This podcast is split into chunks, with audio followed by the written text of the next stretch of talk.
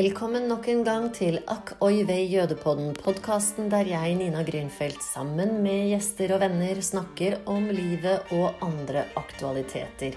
Men sett med et jødisk skråblikk.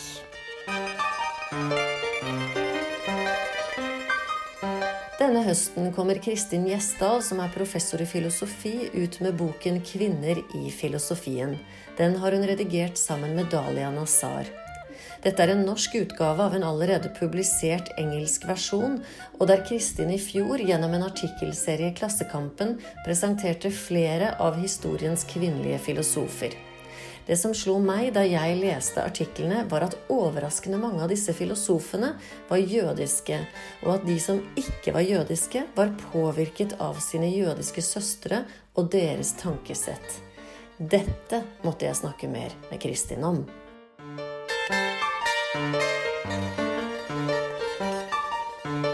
Velkommen til min eh, Conamore-prosjekt Jødepodden, Kristin Gjesdal. jo, takk skal du ha. Det er fint å være her. Du, Kristin Gjesdal, du er en norsk filosof og professor i filosofi ved Temple University. Og du, så vidt jeg vet, er kjent for din ekspertise innen hermeneutikk, filosofi fra 1800-tallet, estetikk og fenomenologi. Og så er du ikke mindre enn medlem av Det norske vitenskapsakademi. Men du, fortell oss litt selv eh, først. Hvordan er det å leve i USA og virke der som norsk filosof? Um, det er ganske fint, um, vil jeg si. Jeg har, um, jeg har hatt um, noen stillinger i um, Oslo og Norge også. Og savner jo Norge fælt. Så det er, um, det er den siden av saken som, som, ikke er så morsom. Men um, amerikansk akademia, sånn jeg opplever det, både gir både veldig stor frihet forskningsmessig og et, et veldig stimulerende intellektuelt miljø, hvor det er lett å, um, å gjøre det man har lyst til. Og um, lett å få uh, impulser fra andres um, arbeid og andres entusiasme. Og Det gjelder også det prosjektet jeg har holdt på med nå i de siste årene, som har handlet om um, kvinner i den moderne filosofihistorien, og primært da på, på 1800-tallet, eller mellom den franske revolusjonen og første verdenskrig omtrent. Hvor viktig er det i dag å si at uh, det er kvinnelige filosofer, altså filosofer av det kvinnelige kjønn? Man skulle jo håpe at det ikke var så viktig. Man skulle håpe at kvinner hadde blitt inkludert i filosofihistorien på samme måte som, um, som menn hadde. Men um, hvis vi tenker på den moderne filosofihistorien, og hvordan den har vært undervist i de siste 100 eller 200 årene, så er det en historie hvor det ikke er plass for kvinner i det hele tatt. Så, sånn sett så har det vært en, et massivt fokus på å understreke det vi kan kalle mannlige tenkere. Så hvis man er opptatt av kvinnelige tenkere, så er det jo egentlig ikke fordi man nødvendigvis er opptatt av kvinnelige tenkere, men fordi man har lyst til å Fordi man er interessert i å, å utforske de um, tenkerne som så systematisk har blitt utelukket fra filosofihistorien. Selv om de har forferdelig mye å si. Altså jeg må jo bare si, Grunnen til at jeg ville ha med deg her, da, det er jo fordi at jeg hadde så utrolig stor glede av å lese de artiklene som du hadde på trykk i Klassekampen i fjor. Og de var jo et slags ekstrakt av en bok du ga ut først på engelsk. Sammen med en kollega som jeg tror befinner seg i Australia eller noe sånt. Kan det stemme? Ja, Dalia og jeg eh, jobber i samme feltet, så vi jobber med 1800-tallsfilosofi begge to. Og vi begynte altså, tidlig moderne filosofi, perioden på 1600- og 1700-tallet, der er det mange som har vært opptatt de siste 10-20 årene av kvinner i uh, filosofihistorien. Men på 1800-tallet så var det på en måte ikke gjort noen um, Det var ikke noe dugnadsarbeid som hadde foregått der for å få frem um, kvinnelige filosofer. Så folk satt på en måte litt med inntrykk av at kvinner sluttet å tenke rundt den franske revolusjonen og sluttet å publisere. Og det ga ikke mye mening. Jo mer moderne vi blir, jo mindre deltar kvinnene i, um, i diskusjonen, den filosofiske diskusjonen, jo nærmere vi kommer at kvinner får stemmerett uh, og andre rettigheter, jo stummere blir kvinnene. Dette var ikke plausibelt. Så vi um, satte oss ned og begynte å grave frem um, det vi kunne finne. Og det tok forbausende kort tid og var forbausende lett. Og Oxford University Press var superinteresserte um, fra begynnelsen av. Så dette var egentlig, i likhet med ditt prosjekt, et, et Conamore-prosjekt som, som, tok av litt. Og så um, var det et norsk forlag, eller Torleif Dahl, um, som, um, som, da var interessert i å få en norsk oversettelse, som jeg håper kan selge både i Norge og, og Sverige og i, i, Danmark. Og den foreligger nå denne høsten her, gjør den ikke det, på Cappelen Dam? Utgivelsesdatoen der er 26.9. I en supergod norsk oversettelse av um, Johan Grip og Karen Gundersen for den ene franske teksten vi har med. Og så er det jo sånn da at du vet, jeg leser jo alltid ting med et litt sånn jødisk skråblikk. Det er jo også det som er liksom prosjektet med denne jødepoden. Det er å se verden med et lite jødisk skråblikk. Og først når jeg da leste disse ti artiklene, så gjorde jeg min enkle, men litt feilaktige statistikk, tror jeg. For da mente jeg at uh, nesten godt over 50, om ikke 60 eller 70% av disse kvinnelige filosofene hadde jødisk bakgrunn. Når jeg nå går gjennom det på nytt, så lander jeg på tre, kanskje fire.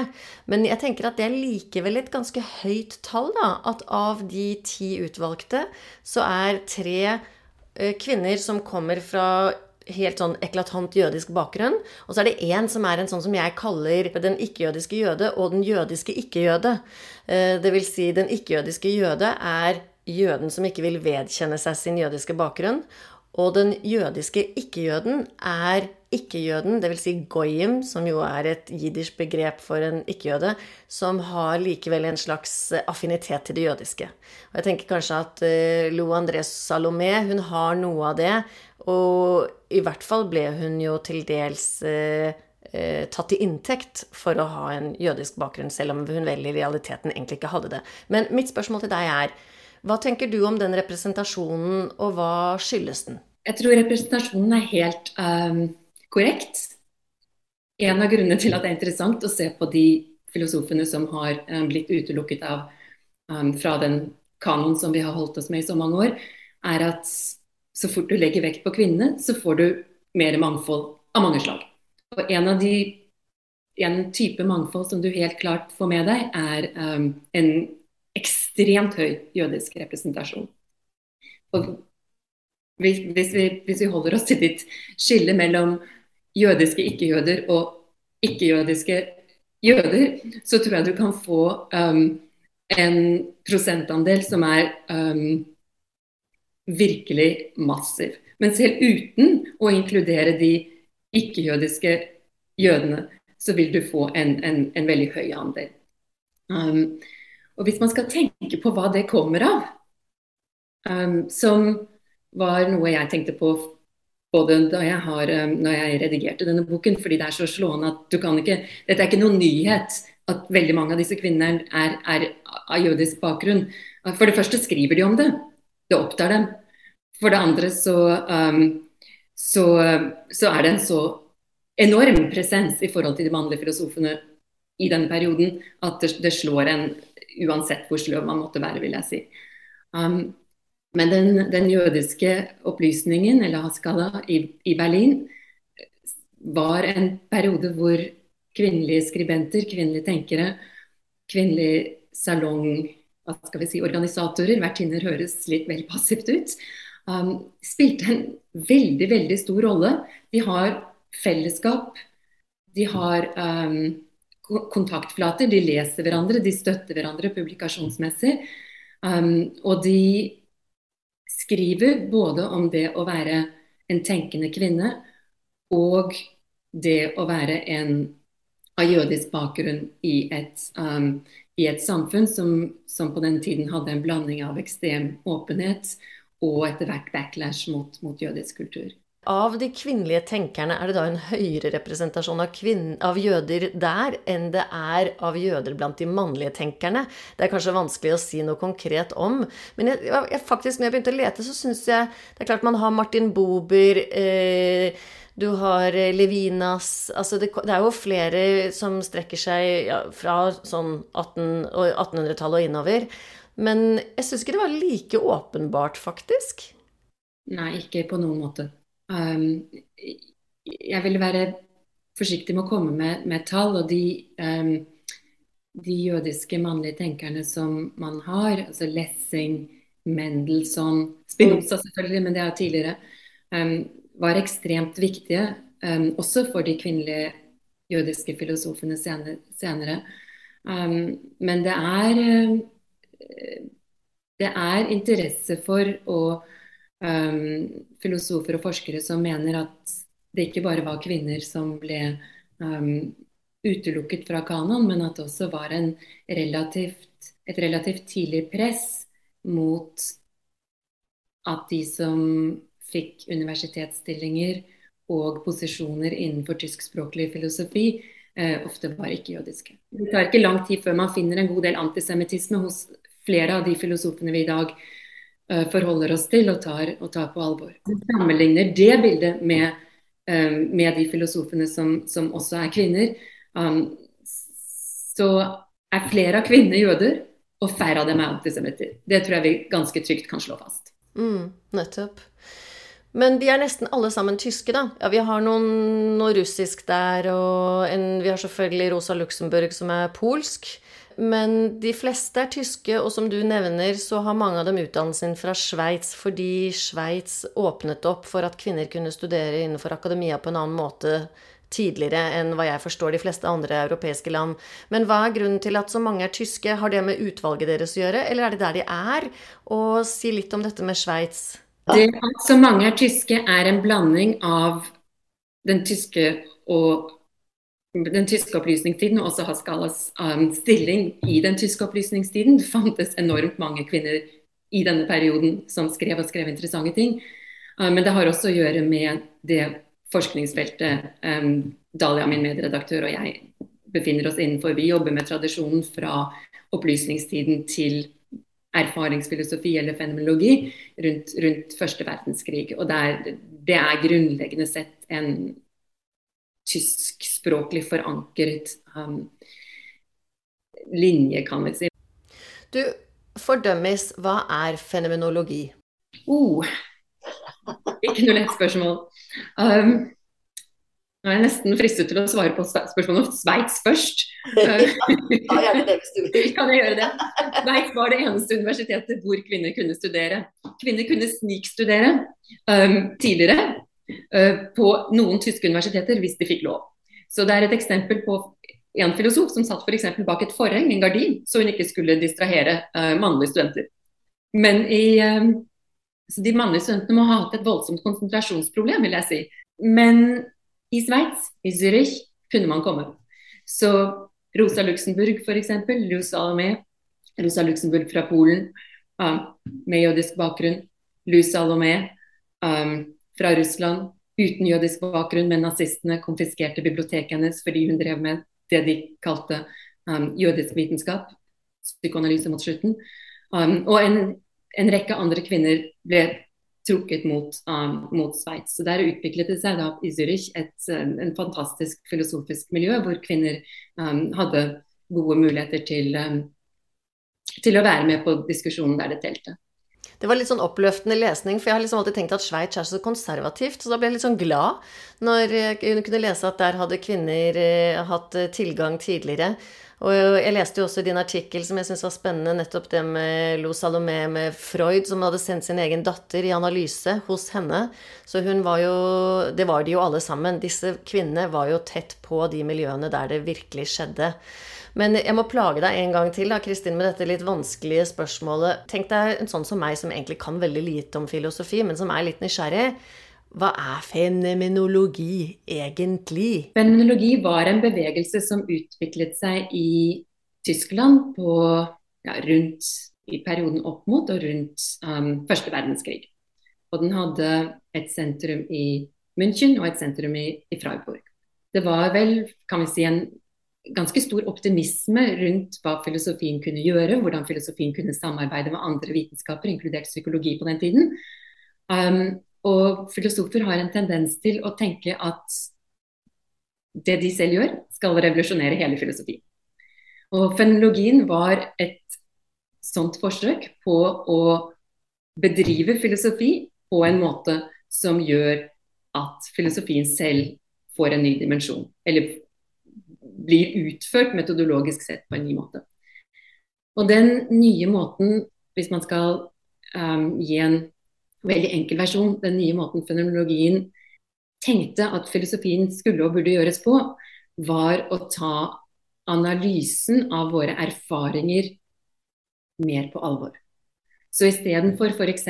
å stille spørsmål om hva er selvbevissthet, hva er etisk riktig, hva er etisk galt, så går man inn i den menneskelige erfaringen av verden og stiller spørsmålet om ikke bare hvilke betingelser som må innfris for at vi skal kunne ha menneskelig erfaring, men også hvordan er det å være menneske og ha den type erfaringer vi har.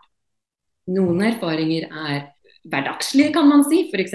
så sitter jeg og ser ut av vinduet nå. Jeg kan se en hekk, en grønn hekk. Jeg kan se en um, rosebusk med rosa roser. Jeg kan se at det er fint vær. Jeg kan anta at det er varmere ute enn inne. Jeg sitter med en genser inne, men ute kommer det til å være full sommer. Det er en massevis av um, ting som er vevet inn i det jeg ser når jeg ser ut av vinduet. Um, som jeg egentlig ikke kan vite, men jeg tar det for gitt i det jeg ser det. Fordi du har erfart det tidligere? Fordi jeg har erfart det tidligere.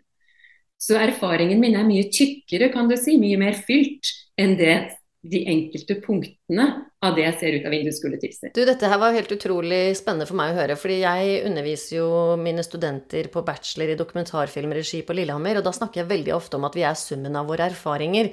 Og nå skjønner jeg at det jeg faktisk driver med, er å argumentere fenomenologisk, kanskje. Så dette her tror jeg faktisk jeg skal sette meg litt nærmere inn i og vite mer om. Jeg har bl.a. også en kollega som på et tidspunkt eh, påsto at han ikke var noen fenomenolog, og derfor så skulle han heller ikke uttale seg om en artikkel vi drev og diskuterte. Så jeg har i min litt sånn manglende kunnskap om dette her skjønt at eh, noen er, er, forsvarere, og andre er ikke like store forsvarere av fenomenologien. Men jeg tror kanskje jeg er fenomenolog. Og så tenkte jeg skulle også bare kommentere at eh, utenfor vinduet hos deg, så er det nok varmere enn det er inne, men her begynner det nå å bli kaldere ute enn inne. Og det vet vi også av erfaring. Fenomenologien er et godt eksempel på hvorfor det er interessant å se utover den etablerte filosofiske kanon. For blant fenomenologene så var det noen som hadde jødisk bakgrunn, som hadde konvertert. Um, men så var det også um, nasjonalsosialister som Martin Heidegger. Og når man forholder seg til fenomenologien, spesielt i de siste årene, så har veldig mye Heideggers sceneverker og upubliserte verker kommet ut, og det blir fryktelig vanskelig å si at han, han, var apolitisk.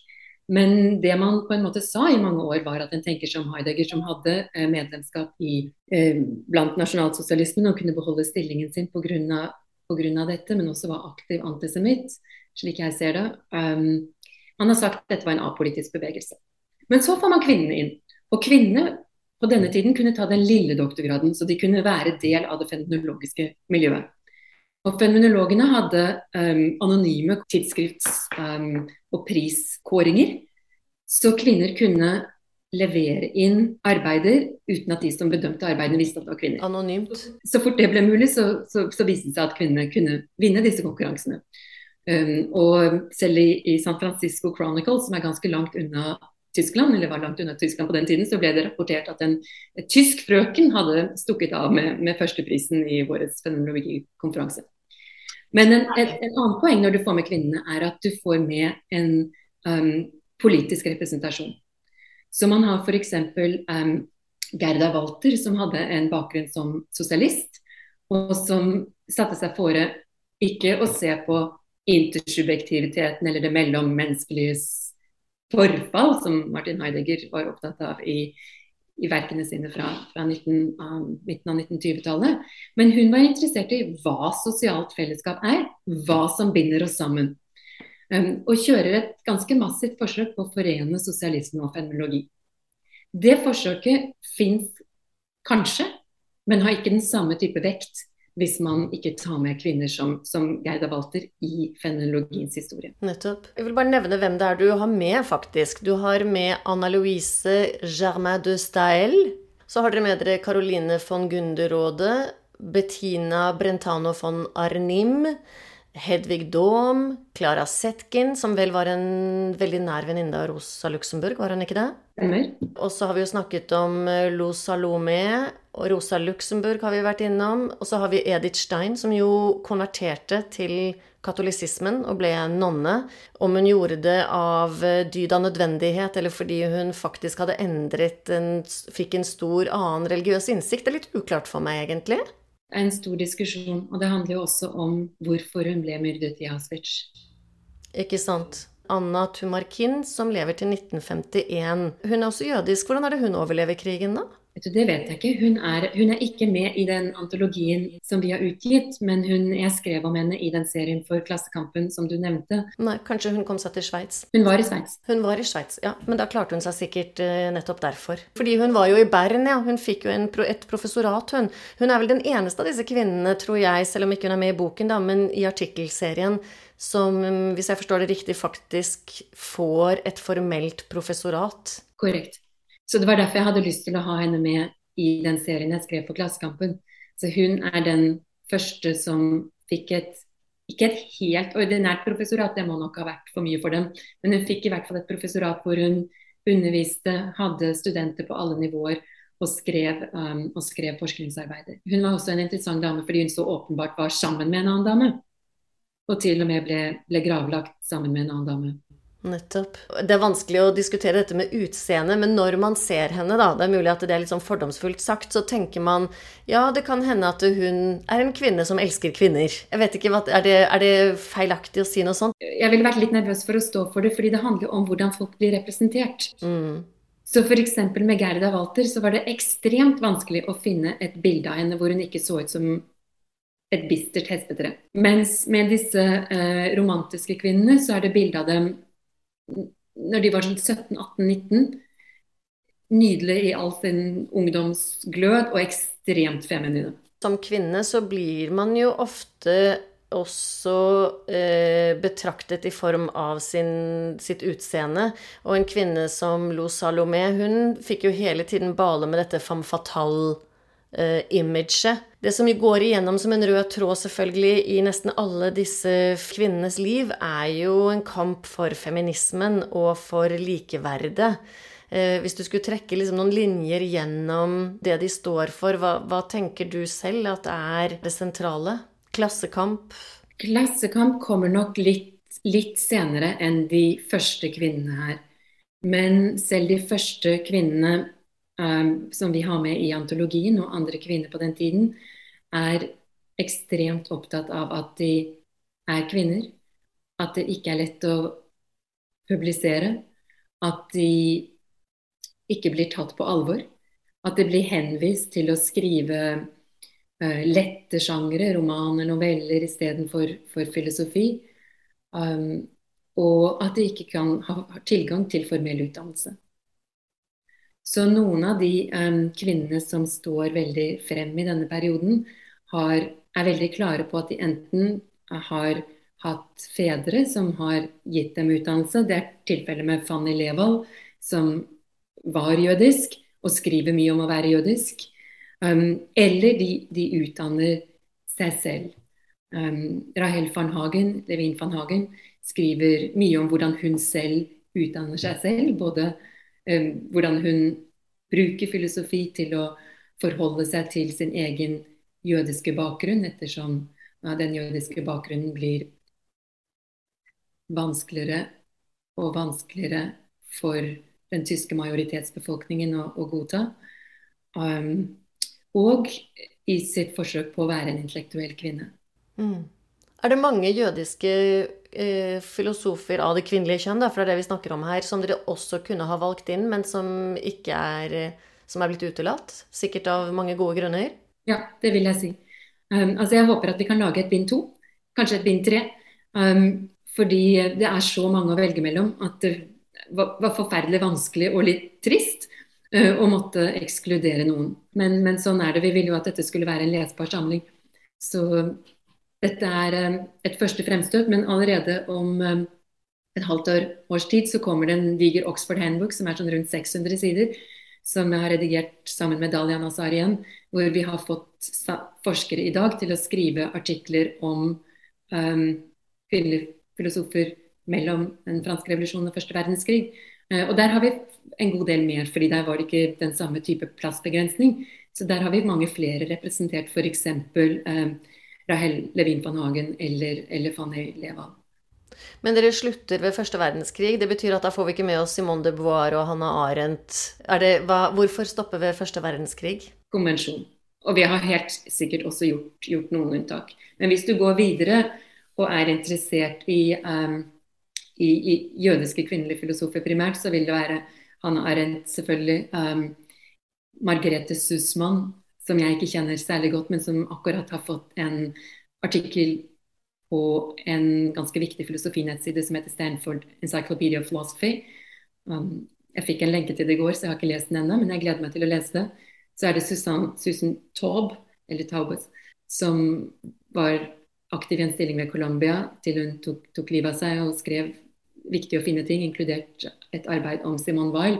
Så går det jo lengre, så forandrer ikke bildet seg. Bildet forblir det samme, tror jeg jeg kan si med ganske stor sikkerhet. I hvilken grad vil du tenke at de ikke-jødiske filosofene som du er opptatt av, da, er påvirket av sine jødiske søstre? Det tror jeg nok jeg vil si i ganske stor grad. Mange av de kvinnelige filosofene er opptatt av andre kvinner som har gått foran. Og det gjelder ikke bare i tysk filosofi, det gjelder i grunnen også norske forfattere eller forfatterinner man, som man kanskje vil si hvis man er konservativ, men norske kvinnelige forfattere, som f.eks.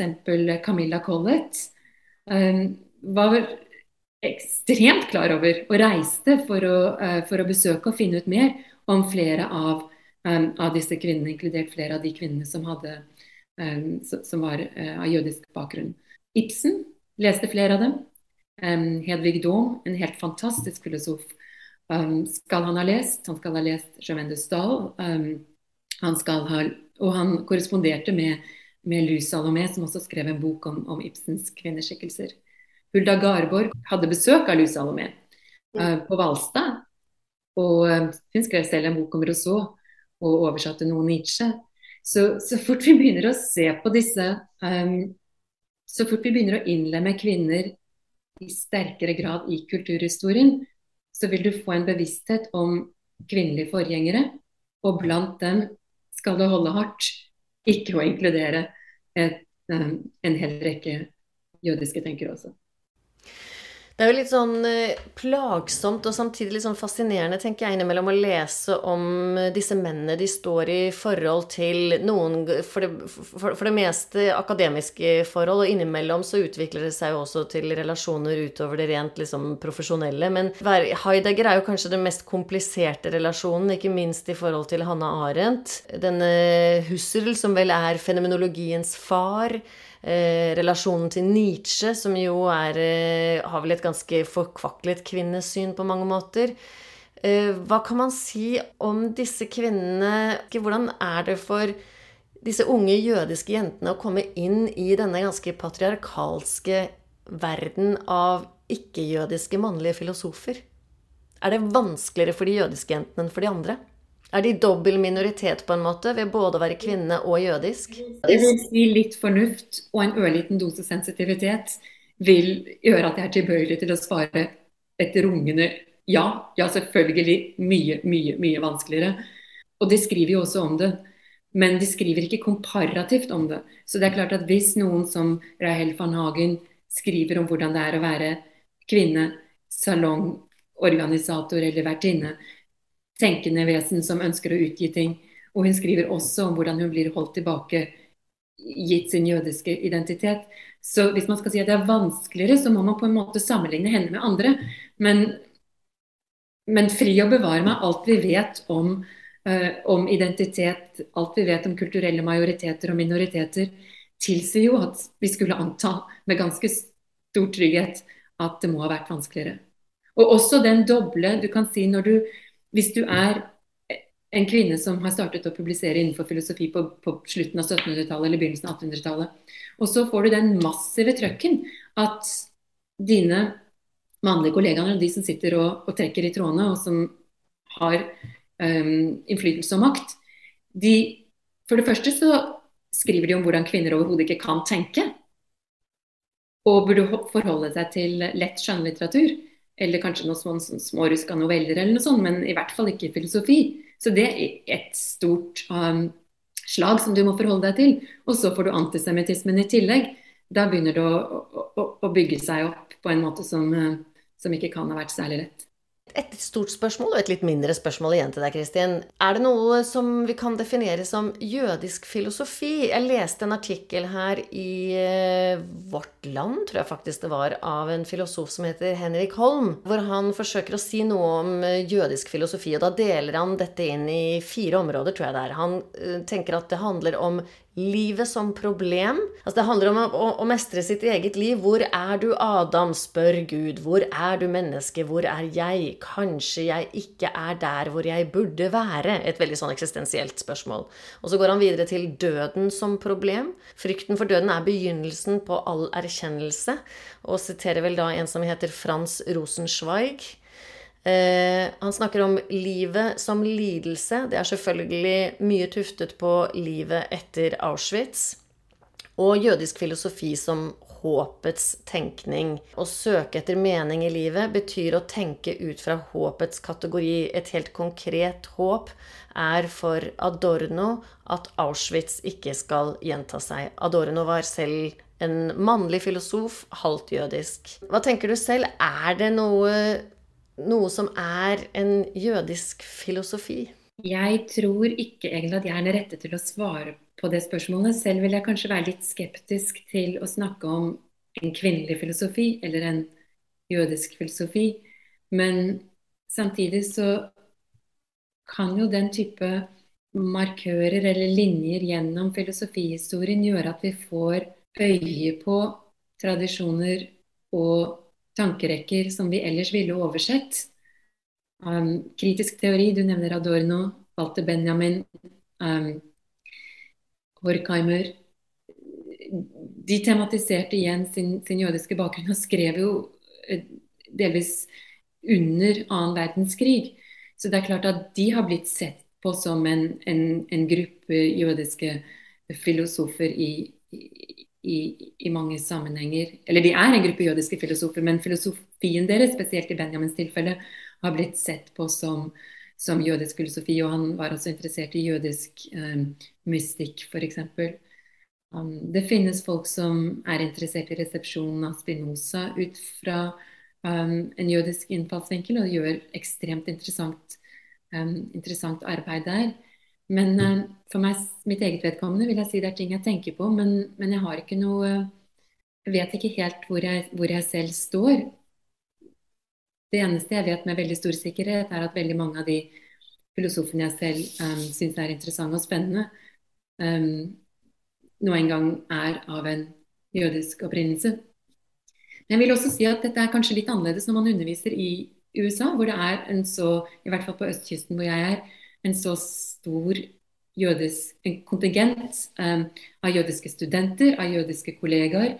Um, jødisk kultur i mitt eget liv etter at jeg flyttet til USA, er veldig tilstedeværende på den måten at barna mine har feiret alle jødiske helligdager og har fri når det er jødiske helligdager. Um, studentene mine kommer ikke nødvendigvis i klassen um, når det er jødiske helligdager. Vi har winter break, ikke juleferie, fordi det nå en gang ikke bare er jul, men, men Hanukka og andre helligdager rundt, rundt samme tid. Så filosofenes jødiske bakgrunn er noe som kanskje er lettere å, å legge merke til hvis man, hvis man, har en klasse hvor, um, hvor det er stor interesse for det, og hvor det betyr mye for, for mange å se hvilke utrolige ressurser den jødiske kulturen har gitt oss um, som, som filosofer. Helt avslutningsvis da, Kristin. Nå har du fint brakt det over til USA der du er, og hvor det jo er et annet type mangfold. Og det høres ut som dere lever i en paradisisk tilværelse. Det, det, jo, det finnes sikkert noen små skjær i sjøen hos dere òg. Eller kanskje et ganske stort et gitt av forrige presidenten. Og det er noe som heter Black Lives Matter, og det er mye, det er mye å jobbe med fremdeles. og abortspørsmål og det ene med det tredje.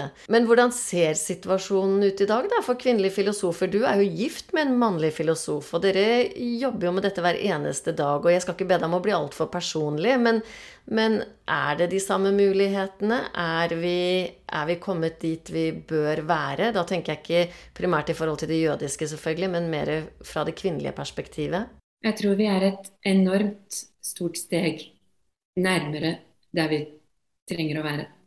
Og jeg tror um, altså Jeg selv, min første artikkel som jeg skrev på norsk, var om Rahel Levin van Hagen.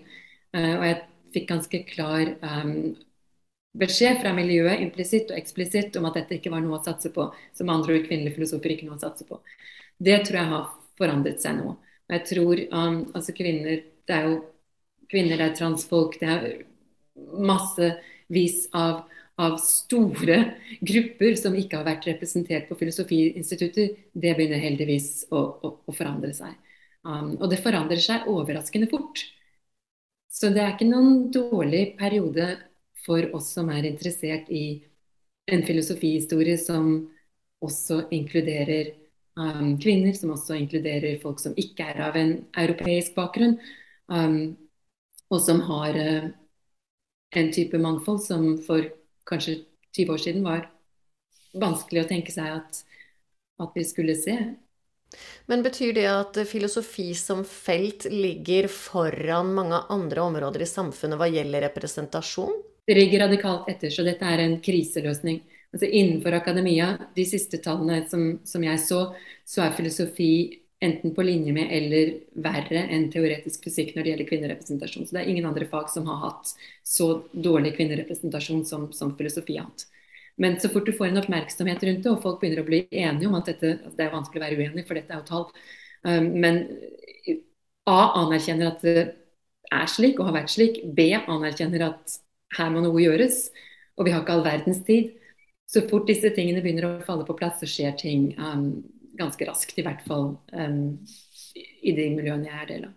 Men det du sa nå, river jo litt ned det glansbildet jeg opplevde at du kanskje snakket litt om først, nemlig at eh, ja, det har skjedd enormt mye, men statistisk sett sammenlignet med andre akademiske områder, så ligger det ganske dårlig an? Historisk sett er ikke dette her noe glansbilde i det hele tatt. Historisk sett er det eh, fullstendig katastrofe.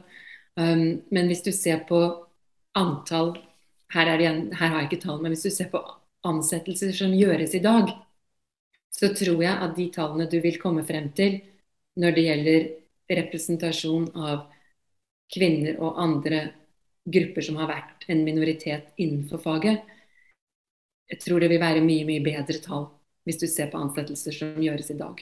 Og det er de vi må se på hvis vi lurer på hvordan faget kommer til å se ut om ti år. Ja, ikke sant. Men det er godt å høre. Jeg har et sånt bilde av at filosofien det er omtrent i filosofien som det er i filharmonien, at du skal lete lenge etter de kvinnelige dirigentene. Er det noe jeg burde ha spurt deg om som jeg ikke har spurt deg om, Kristin? Som du tenker er viktig å bringe til torgs i denne samtalen?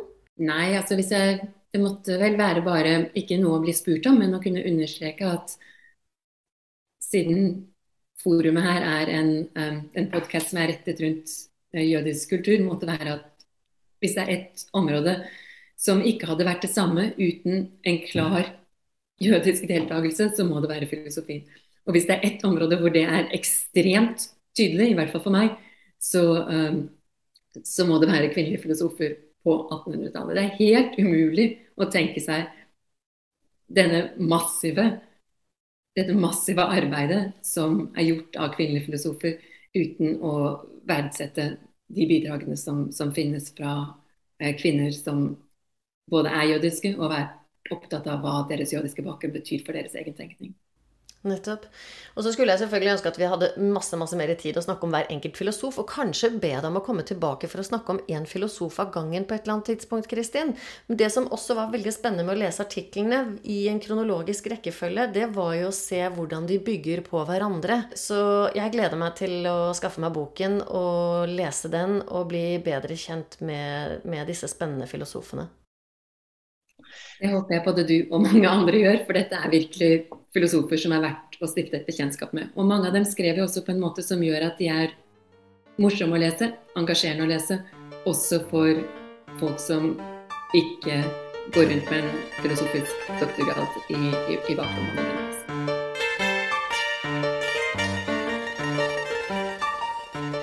For at du lytter til AKIV Jødepodden. Om du liker denne podkasten, kan du trykke 'abonner' i din foretrukne spiller. Da vil du motta beskjed om når neste episode blir publisert.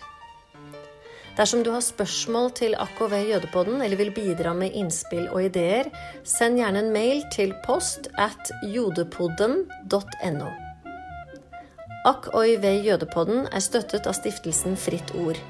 Musikken du hører, er komponert og arrangert av Jens Wendelboe.